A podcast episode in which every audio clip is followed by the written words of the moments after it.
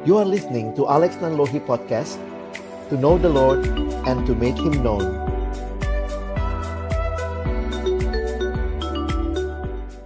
Shalom, selamat pagi teman-teman sekalian.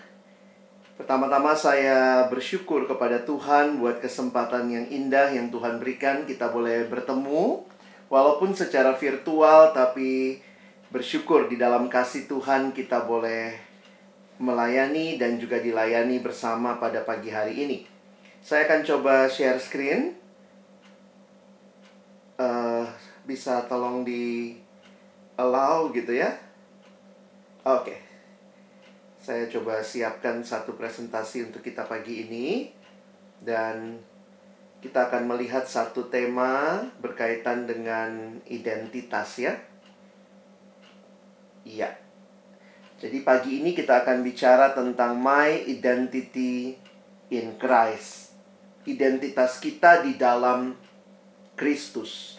Nah, teman-teman yang dikasihi Tuhan, kalau kita melihat kehidupan manusia, kehidupan kita, bagi saya menarik bahwa kita itu hanya hidup satu kali ya.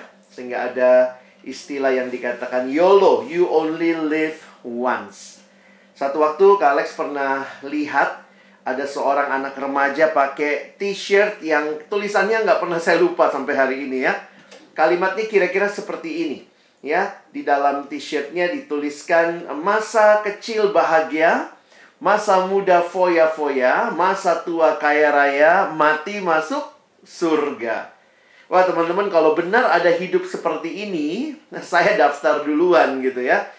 Tetapi memang menarik untuk kita melihat hidup yang hanya satu kali ini, bagaimana kita memaknainya.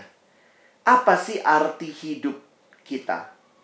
Nah, kembali kalau kita mau sama-sama melihat bahwa ada satu pribadi yang penting sekali yang harusnya memaknai hidup kita. Kalau kita sebagai orang percaya, orang-orang Kristen, kita melihat bagaimana Yesuslah yang seharusnya menjadi fokus dalam kehidupan Kristiani kita. Kadang saya berpikir gitu ya, apa sih yang sangat menarik tentang Yesus ini? Bayangkan di dunia saja kelahiran Yesus menandai sejarah umat manusia dibagi dua ya. Sehingga ketika dia lahir, dia hadir dalam dunia, kita mulai mengenal ada yang namanya BC, before Christ, sebelum Masehi. Ada yang merasa terlalu Kristen pakai BC before Christ. Sekarang ada yang menggunakan istilah BC before century. Ya, lalu kemudian tahun sesudah itu maka disebut sebagai tahun Masehi atau ada istilah AD. Ya, AD itu adalah dari bahasa Latin Anno Domini. Anno Domini artinya tahun Tuhan kita ya, kata anno dari kata anno tahun jadi annual, tahunan begitu ya. Domini adalah tuan. Jadi anno Domini adalah tahun Tuhan kita. Siapa Yesus yang kehadirannya membelah dunia menjadi dua sejarah yang besar sebelum Kristus dan sesudah Kristus? Tapi lebih lagi kalau kita melihat bagi hidup kita orang percaya, maka kehadiran Yesus juga menandai satu kehidupan yang baru. Ya, jadi hari ini kita mau lihat sama-sama bahwa biarlah bukan hanya dunia yang melihat kehadiran Kristus, tapi bagaimana kita bisa melihat Kristus yang hadir dalam hidup kita, dan Dialah yang mendivine our life. Dialah yang mendefinisikan hidup kita, karena kita ingin melihat Dia sebagai yang utama dan membangun identitas kita di dalam Dia. Ya, Bagian firman Tuhan yang pagi ini saya ajak untuk kita baca dan renungkan hanya dua ayat dari Injil Yohanes pasal yang ke-10. Kita akan melihat ayat 10 dan ayat yang ke-11. Alex sudah to coba tuliskan ayatnya di depan. Jadi silahkan teman-teman bisa lihat yang tertera di layar ya. Mari kita baca. pencuri datang hanya untuk mencuri dan membunuh dan membinasakan. Aku datang supaya mereka mempunyai hidup dan mempunyainya dalam segala kelimpahan. Akulah gembala yang baik. Gembala yang baik memberikan nyawanya bagi domba-dombanya. Mari kita berdoa sekali lagi. Kami telah membuka firman-Mu ya Tuhan. Kami mohon bukalah juga hati kami. Jadikanlah hati kami seperti tanah yang baik. Supaya ketika benih firman Tuhan ditaburkan itu boleh sungguh-sungguh berakar, bertumbuh, dan juga berbuah nyata di dalam kehidupan kami. Berkati baik hambamu yang menyampaikan, setiap kami yang mendengar. Tuhan tolonglah kami semua. Agar kami bukan hanya jadi pendengar-pendengar firman yang setia, tapi mampukan dengan kuasa, dengan pertolongan dari rohmu yang kudus. Kami dimampukan menjadi pelaku-pelaku firmanmu di dalam hidup kami, secara khusus di dalam masa muda kami.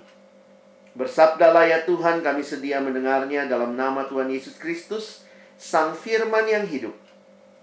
Kami menyerahkan pemberitaan firman-Mu. Amin. Teman-teman, saya ingin mengajak kita belajar ayat ini, ayat Yohanes 10 ayat 10 dan 11 karena ini adalah bagian dari kalimat Yesus kepada murid-muridnya. Apa yang Tuhan mau sampaikan dengan menyampaikan hal ini? Saya ingin mengajak kita terlebih dahulu melihat kata pertama yang muncul dalam ayat yang ke-10. Waktu Yesus bicara pencuri, siapa sih yang Yesus sedang tunjuk sebagai pencuri yang programnya jelas banget ya? Programnya untuk menghancurkan. Nah, kalau kita perhatikan nanti teman-teman bisa lihat ayat-ayat di atasnya, Yesus sebenarnya sedang mendiskusikan tentang perbedaan antara gembala yang baik yaitu dirinya sendiri. Yesus uh, uh, Yesus mengatakan I am the good shepherd dan gembala yang palsu atau gembala upahan. Jadi kalau teman-teman memperhatikan Tuhan Yesus memberikan kontras antara gembala yang baik yang menjadi gembala yang memiliki domba itu dengan gembala palsu atau upahan yang justru ketika ada bahaya datang karena memang cuma upahan, karena memang palsu, jadi dia justru lari dan meninggalkan domba-dombanya. Jadi secara khusus kalau kita perhatikan bahwa pencuri yang dimaksud adalah berkaitan dengan gembala palsu atau gembala upahan. Dan mengerikan sekali bahwa pencuri ini programnya jelas teman-teman 3M ya mencuri membunuh membinasakan siapa gembala-gembala yang palsu dalam kehidupan umat Allah di zaman Yesus pada waktu itu ya secara khusus orang-orang Farisi, ahli Taurat yang tidak sungguh-sungguh mengasihi domba-domba yang mereka gembalakan. Karena itu kalau kita perhatikan Tuhan Yesus menjadikan ilustrasi antara gembala yang baik yaitu dirinya dengan gembala-gembala palsu yang justru tuga, tujuan utamanya bukan untuk domba tapi untuk diri mereka sendiri. Nah, ini sedikit berbeda ya. Kalau gembala yang asli itu benar-benar menjaga, melindungi, memprotek dombanya, sementara gembala yang palsu, gembala upahan, hanyalah tugasnya mencuri, membunuh, dan membinasakan. Nah, teman-teman waktu memperhatikan ini, sebenarnya kalau kita lihat lagi dengan program 3M ini, ini programnya siapa ya? Akhirnya saya melihat ketika bicara di 1 Petrus, ada hal yang sama yang bergema.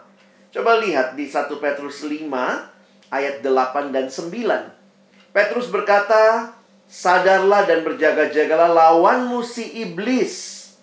Berjalan keliling sama seperti singa yang mengaum-ngaum mencari orang yang dapat ditelannya. Lawanlah dia dengan iman yang teguh, sebab kamu tahu bahwa semua saudaramu di seluruh dunia menanggung penderitaan yang sama. Nah, teman-teman, saya ingin mengajak kita melihat bahwa uh, mungkin kita bisa melihat ya gembala-gembala upahan itu ya inilah mereka orang-orang yang tidak serius menggembalakan tapi kalau kita lihat lebih dalam lagi, ada satu pribadi yang dituliskan dalam satu Petrus yaitu si iblis. Yang bagi saya inilah sebenarnya otaknya daripada sebuah kehidupan yang tidak dibangun untuk membuat orang itu berhasil, tetapi justru untuk mencuri, membunuh, dan membinasakan.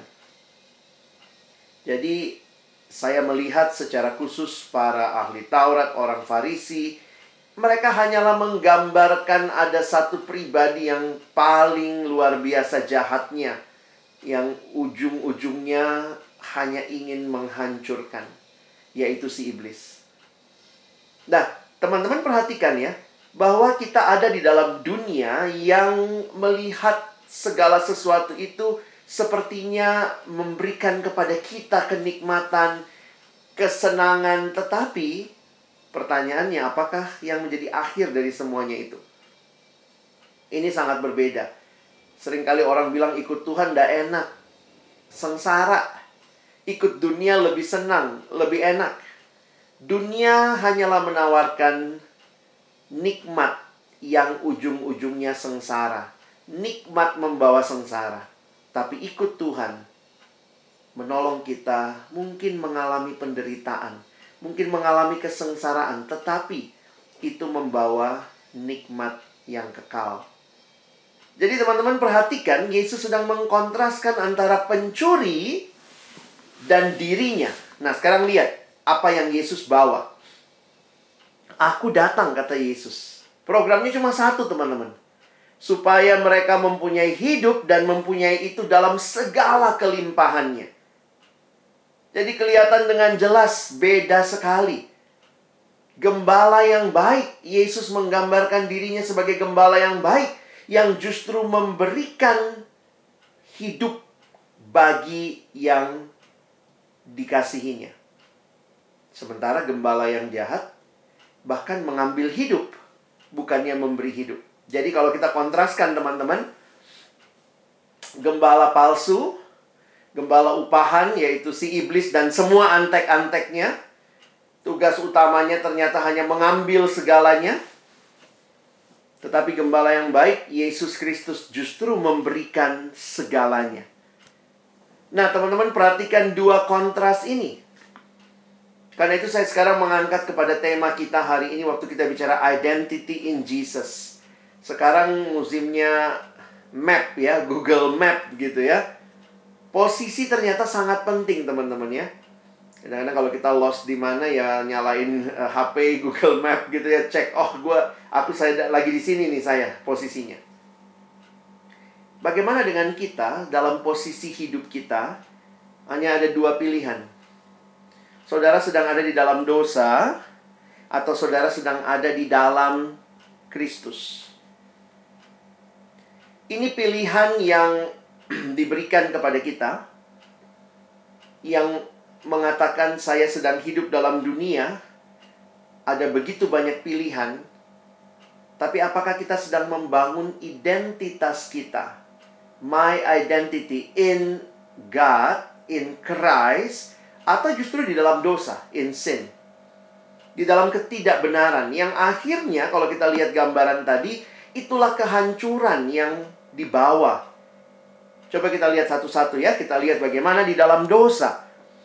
Apa yang dosa janjikan?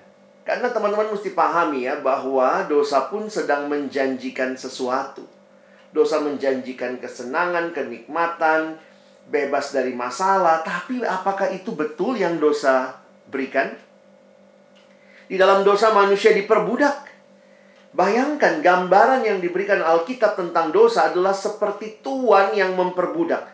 Alkitab mempersonifikasi dosa seperti seorang tuan yang memperbudak karena itu dikatakan kamu adalah hamba dari dosa. Oh, banyak orang yang diperhamba oleh hal-hal yang dia pilih. Ketika misalnya ada yang diperhamba oleh hal-hal ini, judi, rokok, narkoba. Saya kadang mikir gini teman-teman ya. Kita bilangnya kita bebas. Tapi betulkah kita bebas? Karena sifatnya dosa itu memperbudak. Ada seorang adik datang sama saya dan dia bilang, iya kak, saya kadang-kadang Ji merokok katanya begitu toh. Kalau orang Makassar bilang kadang-kadang Ji saya merokok. Saya bilang, dia bilang saya bebas jika kalau saya mau kasih tinggal rokok saya kasih tinggal gampang Ji. Saya bilang betul begitu. Iya bisa Ji katanya ya. Tapi poinnya adalah saya bilang kalau gitu sekarang tinggalkan rokok. Wah susah itu kak. Asam mulut kalau habis makan nggak merokok. Saya bilang itu sudah diperbudak namanya. Kalau kamu bebas, kamu tinggalkan sekarang. Kalau kau bisa, berarti kau bebas. Tapi kalau kau bilang susah, berarti kau sedang tidak bebas. Kadang-kadang manusia merasa dirinya bebas, tapi sedang terikat di dalam dosa. Akhirnya dosa membuat manusia menjadi mau tidak mau harus mau. Itulah sifatnya budak. Budak itu nggak bisa memilih. Dia dia hanya melakukan apa yang tuannya perintahkan. Sehingga di dalam dosa terjadi perbudakan dosa. Kadang-kadang saya pikir jadi Tuhan juga bingung juga jadi Tuhan ya. Coba ya. Kadang-kadang kita suka bilang ah Tuhan nggak baik ini. Eh tapi kau coba kau yang jadi Tuhan ya. Gimana itu ya? Manusia mempermainkan anugerah Tuhan. Kadang-kadang kita doa gitu Tuhan berikan saya kesehatan tapi rokokmu jalan terus. Coba kau yang jadi Tuhan. Bagaimana memberkati orang dengan kesehatan tapi rokoknya jalan terus? Kita nggak serius dengan kerohanian kita kita nggak serius dengan kehidupan kita jadi memang ini realita ya. Dalam dosa, manusia terikat. Enslaved by sin. Dosa membuat manusia juga tidak punya relasi yang indah satu sama lain. Dan begitu mengerikannya bahkan di dalam keluarga. Tidak sedikit keluarga-keluarga yang hancur. Harus berpisah dan kemudian anak menjadi korban perceraian. Belum lagi kekerasan dalam rumah tangga yang berakibat banyak anak tumbuh dalam dendam, dalam sakit hati. Karena mungkin pernah dipukuli, pernah disakiti, menangis, depresi. Saya ketemu dalam pelayanan banyak orang yang mengalami ini juga teman-teman ya. Di luar kelihatan luar biasa, pelayanannya bagus. Tapi ternyata juga banyak yang disembunyikan di dalamnya. Memang dalam dosa itu begitu ya, kita punya hati yang sulit mengampuni Kadang-kadang kalau baca tentang mengampuni, gampang bacanya, bisa pimpin PA. Wah, ah, mari kita mengampuni. Tapi realita hidupnya mungkin sulit sekali mengampuni. Dalam persahabatan pun, tidak sedikit bullying terjadi. Dan ini bukan hanya masalah anak SMA, saya pikir ya. Sampai orang besar pun seperti itu. Dan sehingga banyak orang tumbuh dengan kepahitan, dan memang inilah realita kita hidup dalam dunia yang berdosa ya. Kalau ini yang jadi realita kita, bayangkan kalau identitas dibangun dari pokoknya saya mesti balas dendam, saya harus buktikan kepada dia. Kadang-kadang ada yang seperti itu ya. Identitasnya dibangun dari saya ingin membuktikan. Keluarga kami dipandang remeh kak selama ini. Saya ingin buktikan. Apakah hidup tentang membuktikan dirimu? Dan betapa sedihnya ketika hidup hanya didefinisikan identitas kita hanya berdasarkan apa yang kita capai. Bagaimana kalau kita tidak capai apa-apa? Betapa sulitnya bicara pengampunan. Dan ini realita-realita yang dekat dengan kehidupan kita. Di dalam dosa, manusia jadi tidak punya kehidupan yang seharusnya. Saya pikir Tuhan sudah kasih kita kehidupan yang sebagaimana seharusnya beberapa orang mungkin masalahnya bukan di apa yang baik yang dia lakukan. Ada juga banyak hal baik yang kita lakukan. Tapi ketika hal-hal baik itu kemudian menjadi segala-galanya, nah ini jadi mengerikan. Kasih contoh hal baik ya, misalnya apa yang baik? E, eh, HP baik nggak? HP baik dong ya, kita punya HP baik, kita bisa Zoom sekarang, kita bisa ibadah. Tapi jangan-jangan kita juga sedang diikat oleh HP kita. Jadi perhatikan hal yang baik kalau kemudian dipakai dengan tidak tepat, jadi nggak baik. Berapa banyak orang yang dengan HP-nya ini dia memuji Tuhan, dia nyanyi, dia ibadah, nanti sebentar dia buka juga pornografi dari HP yang sama.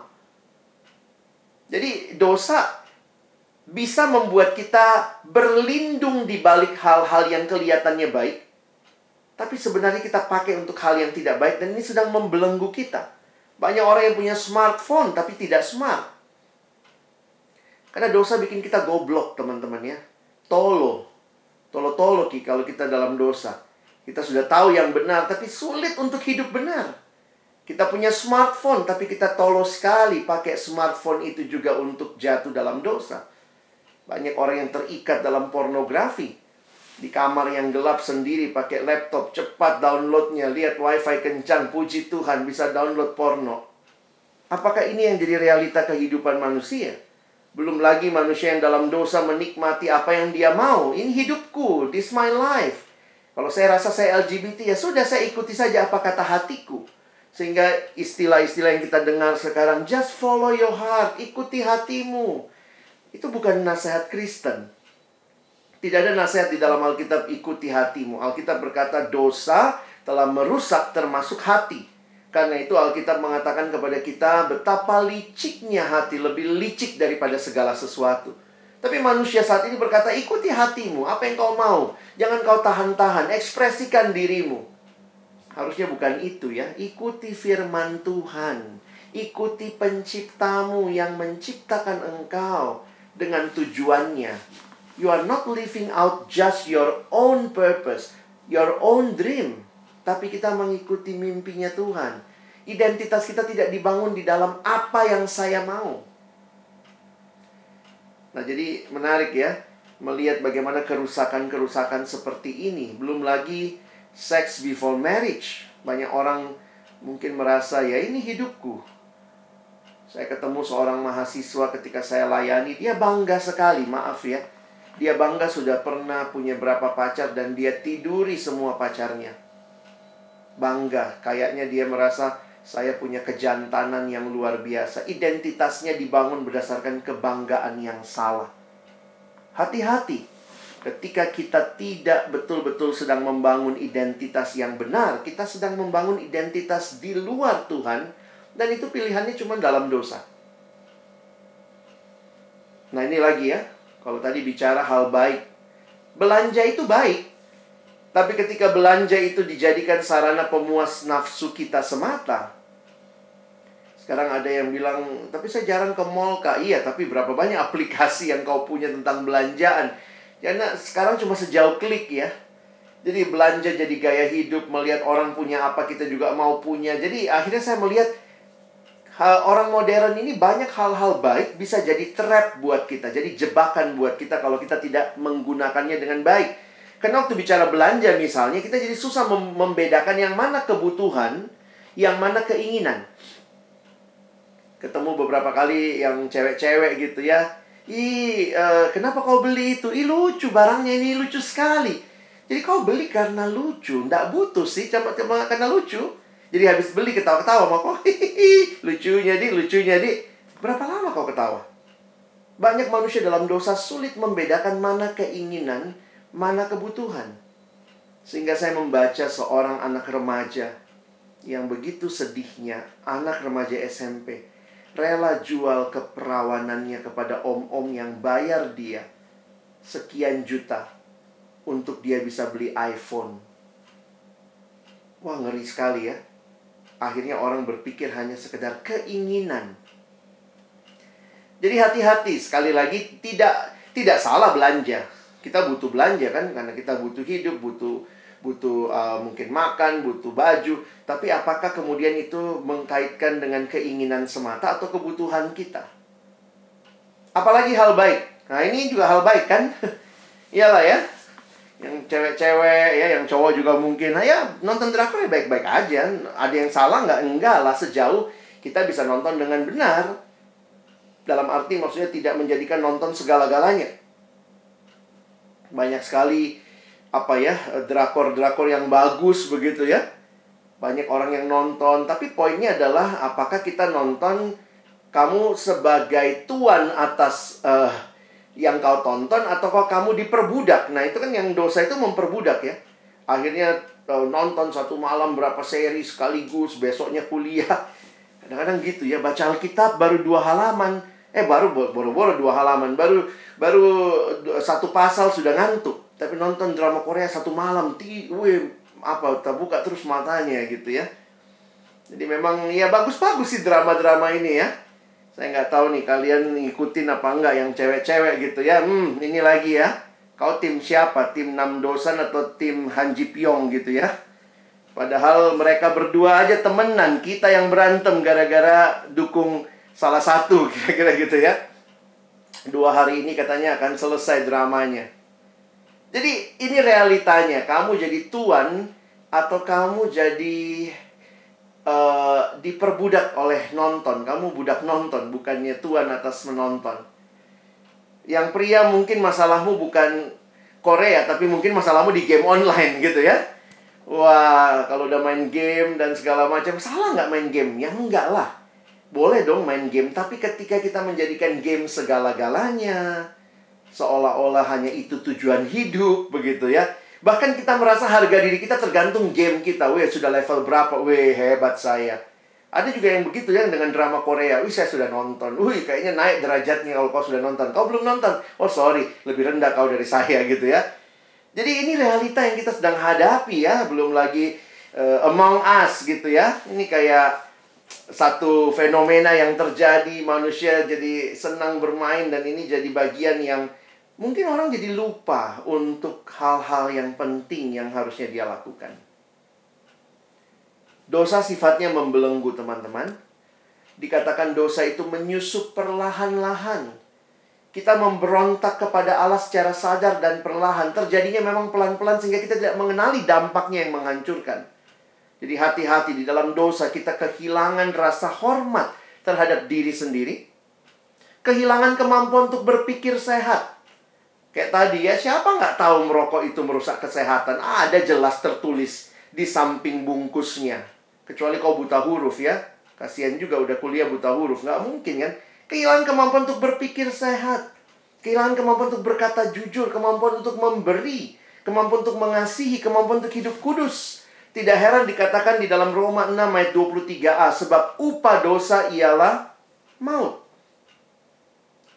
Apa kita mau bangun identitas kita di dalam dosa?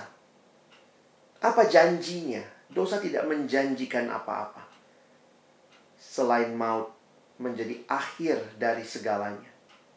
Karena itu penting sekali posisi. Kamu sedang ada di mana? Apa yang sedang menjadi identitas dirimu? Apakah di dalam Yesus? Dan Yesus dengan jelas mengingatkan dalam ayat yang sederhana tadi ya. Aku datang.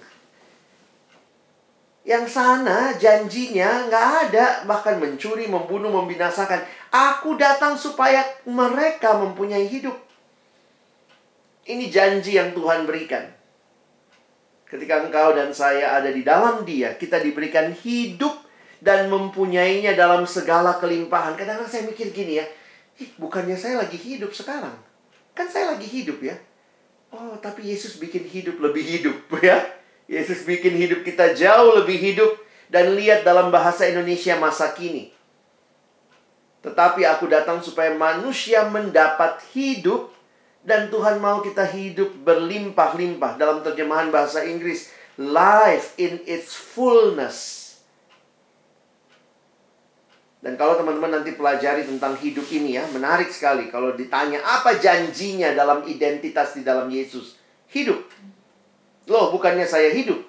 Tapi ada hidup yang dibicarakan dalam Injil Yohanes. Kalau kalian membaca, kata hidup sebenarnya salah satu konsep yang penting di sepanjang Injil Yohanes. Bahkan tulisan-tulisan Rasul Yohanes. Injil Yohanes misalnya muncul 36 kali kata hidup. Kitab Wahyu, Wahyu itu kan penglihatannya Rasul Yohanes ya yang dia terima di Pulau Patmos ada 17 kali kata hidup. Rasul Yohanes juga tulis surat. Surat 1 Yohanes ada 13 kali kata hidup di dalam surat 5 pasal ini. Bahkan kita pasti ingat ayat penting ini ya. Yohanes 3:16 juga bicara tentang hidup. Hidup yang kekal. Dan Injil Yohanes ditulis, apa tujuannya ditulis Injil Yohanes? Perhatikan, Yohanes 20 ayat yang ke-31. Tetapi semua yang tercantum di sini telah dicatat supaya kamu percaya bahwa Yesuslah Mesias anak Allah dan supaya kamu oleh imanmu memperoleh hidup dalam namanya. Jadi benar kalau kita perhatikan dalam Injil Yohanes kata hidup itu terkait bukan cuma dengan hidup yang sekarang teman-teman, tapi dengan hidup yang kekal yang diterima di dalam anugerah di dalam Kristus.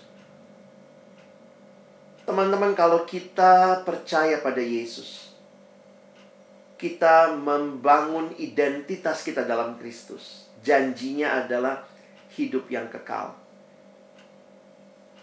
Dan ini bukan sekadar hidup kekal, bukan sekadar bicara nanti punya hidup yang sukses, banyak uang, banyak rumah. Ada yang lebih penting, yaitu hidup di dalam dan bersama Kristus selama-lamanya. Karena itu John Piper mengatakan, abundant life, hidup yang berkelimpahan itu bukan masalah punya banyak barang. It's not about having stuff. Tetapi ini bicara tentang punya kedamaian, punya sukacita dan terlebih utama punya Allah. Ada orang banyak sekali uangnya tapi nggak ada sukacitanya. Ada orang banyak sekali hartanya tapi nggak punya kedamaian. Hidupnya selalu dikejar rasa bersalah. Kalau perhatikan yang Tuhan Yesus janjikan bukan sekadar kelimpahan materi. Bagi saya gampang kalau Tuhan mau kasih kita banyak materi. Tapi Tuhan mau ingatkan bahwa engkau bukan hanya punya materi, kau punya aku Tuhan yang memberikan segalanya buat engkau. Bagaimana caranya Yesus kasih hidup ini? Bagaimana supaya Yesus bisa uh, apa yang Yesus berikan supaya engkau dan saya alami hidup yang kekal. Itulah ayat kedua yang kita baca tadi. Dari tadi kita hanya di ayat 10. Aku datang supaya mereka mempunyai hidup dan memilikinya dalam segala kelimpahan. Bagaimana supaya kita alami hidup itu? Ayat 11 berkata, Akulah gembala yang baik. Gembala yang baik memberikan nyawanya bagi domba-dombanya. Wow, teman-teman, waktu saya renungkan ini, untuk memberikan kita hidup, Yesus kasih hidupnya. Harusnya kan kita yang mati karena kita yang berdosa. Harusnya saya yang mati supaya dosa saya selesai. Tapi kemudian Yesus yang mati gantikan kita dan karena dia mati, saya dan engkau bisa hidup. Di kayu salib, Yesus menyerahkan seluruh hidupnya bagi engkau dan saya. Ada satu ayat di dalam Injil Yohanes, ya, tidak ada kasih yang lebih besar daripada kasih yang memberikan nyawanya untuk sahabat-sahabatnya. Dan Yesus berkata, "Kamu adalah sahabatku." jikalau kamu berbuat apa yang kuperintahkan kepadamu. Jadi Yohanes 10 ayat 10 adalah sebuah janji kehidupan berkelimpahan yang dialami hanya ketika kita ada di dalam Kristus. Dan karena kita ada di dalam Kristus, kita hidup di dalam Dia, maka kitalah orang-orang yang memiliki hidup yang berkelimpahan itu.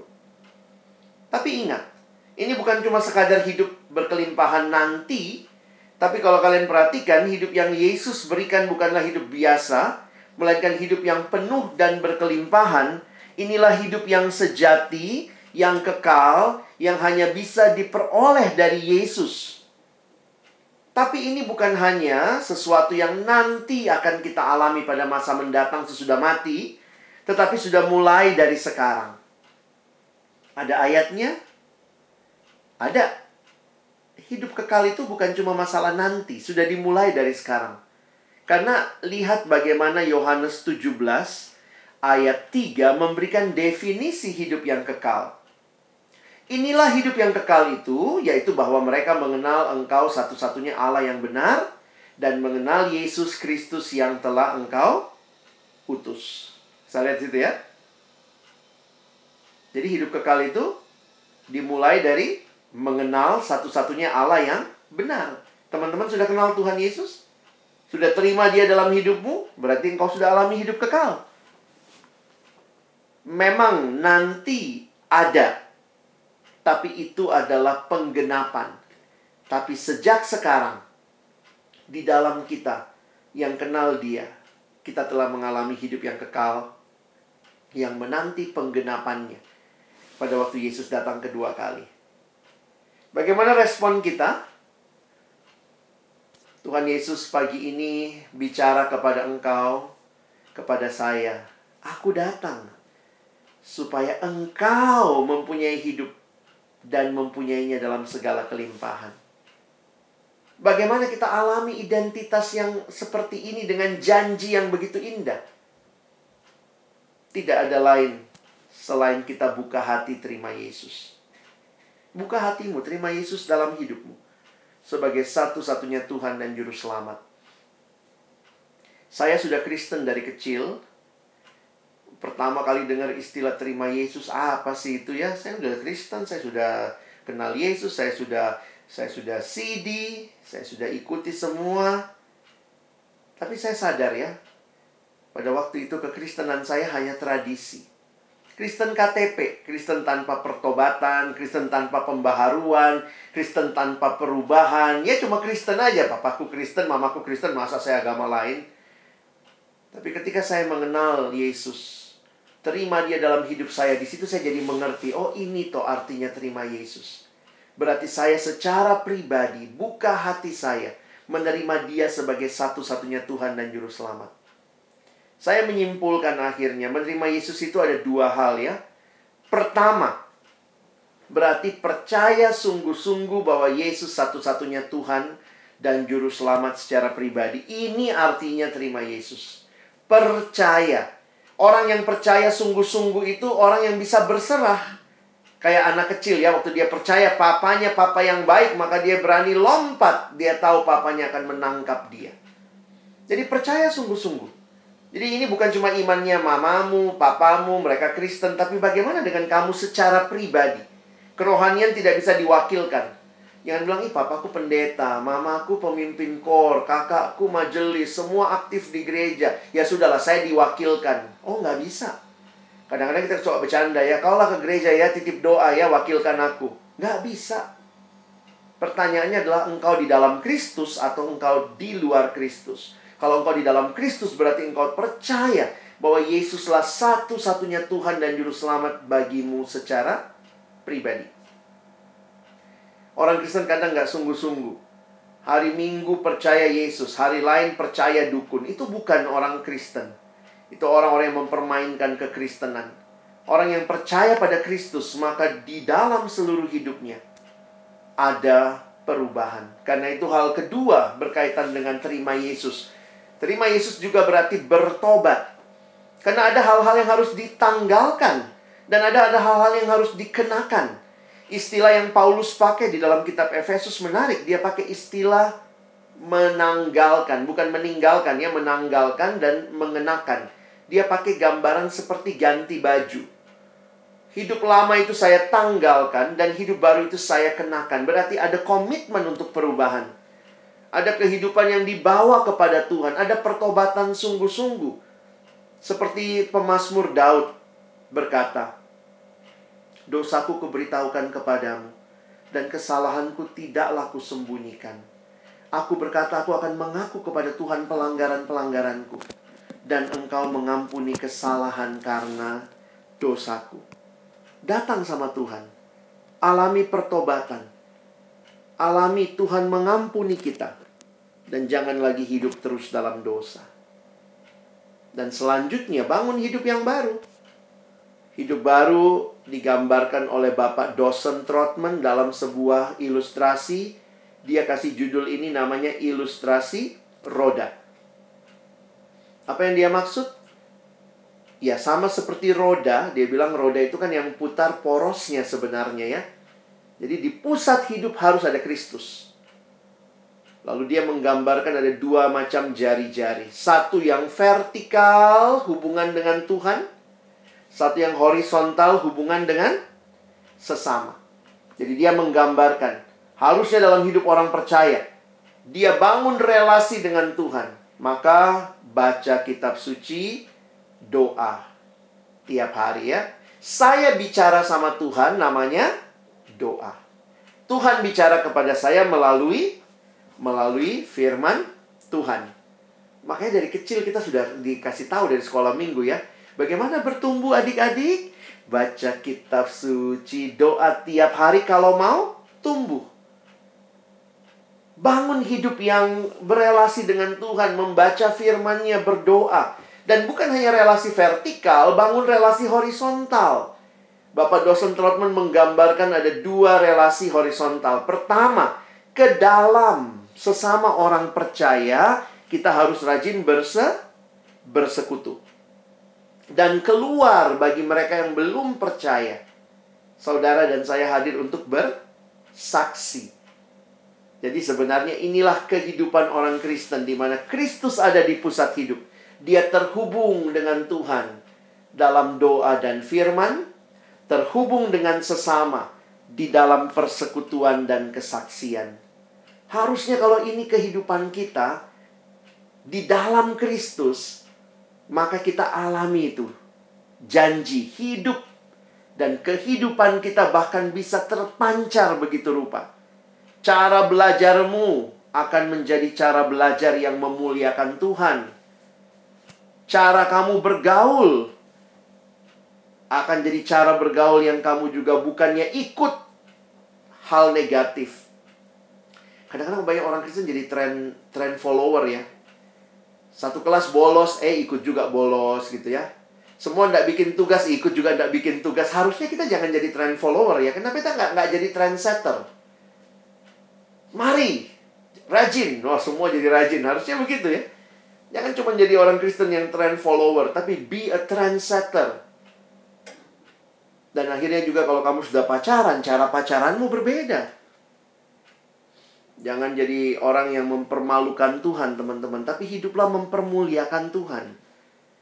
Lihat gambar ini ya. True love waits. Ada kalimat di paling bawah. Save it until marriage. Bersyukur dalam kekudusan kita jalani pacaran yang kudus. Persembahkan pasangan kita kudus di altar pernikahan. Jangan main-main dengan seks. Tuhan ciptakan seks dalam relasi suami dan istri. Nah, harusnya kalau kita mengalami hidup itu, kita ada di dalam Kristus, janjinya kita beroleh hidup, maka hidup kita berubah, bahkan hidup kita jadi berkat bagi banyak orang dan terutama hidup kita bagi kemuliaan Allah. Sekarang pertanyaan bagi kita. Teman-teman mau bangun identitasmu di dalam apa? Di dalam firman? Di dalam Kristus? Atau kita bangun identitas kita di dalam dosa yang tidak membuahkan apa-apa? Marilah pagi ini setelah dengar firman Tuhan responi dalam hatimu. Dan biarlah kamu boleh memilih identitas di dalam Kristus. Buka hatimu terima dia.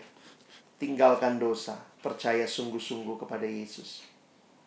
Tuhan menolong kita. Amin. Mari kita berdoa. Bapak Surgawi, terima kasih banyak buat firman-Mu. Terima kasih ketika kami kembali boleh diperhadapkan dengan pilihan membangun identitas kami di dalam dosa yang akhirnya tidak menjanjikan apa-apa, atau kami membangun identitas kami di dalam Kristus yang memberikan hidup dan memberikan kepada kami kehidupan yang kekal. Tolong kami untuk tidak terlena dengan bujukan tawaran si iblis yang selalu berusaha menjauhkan kami dari Engkau, ya Tuhan tapi lekatkan hati kami kepadamu, sehingga setiap pilihan-pilihan kami, kami mengingat.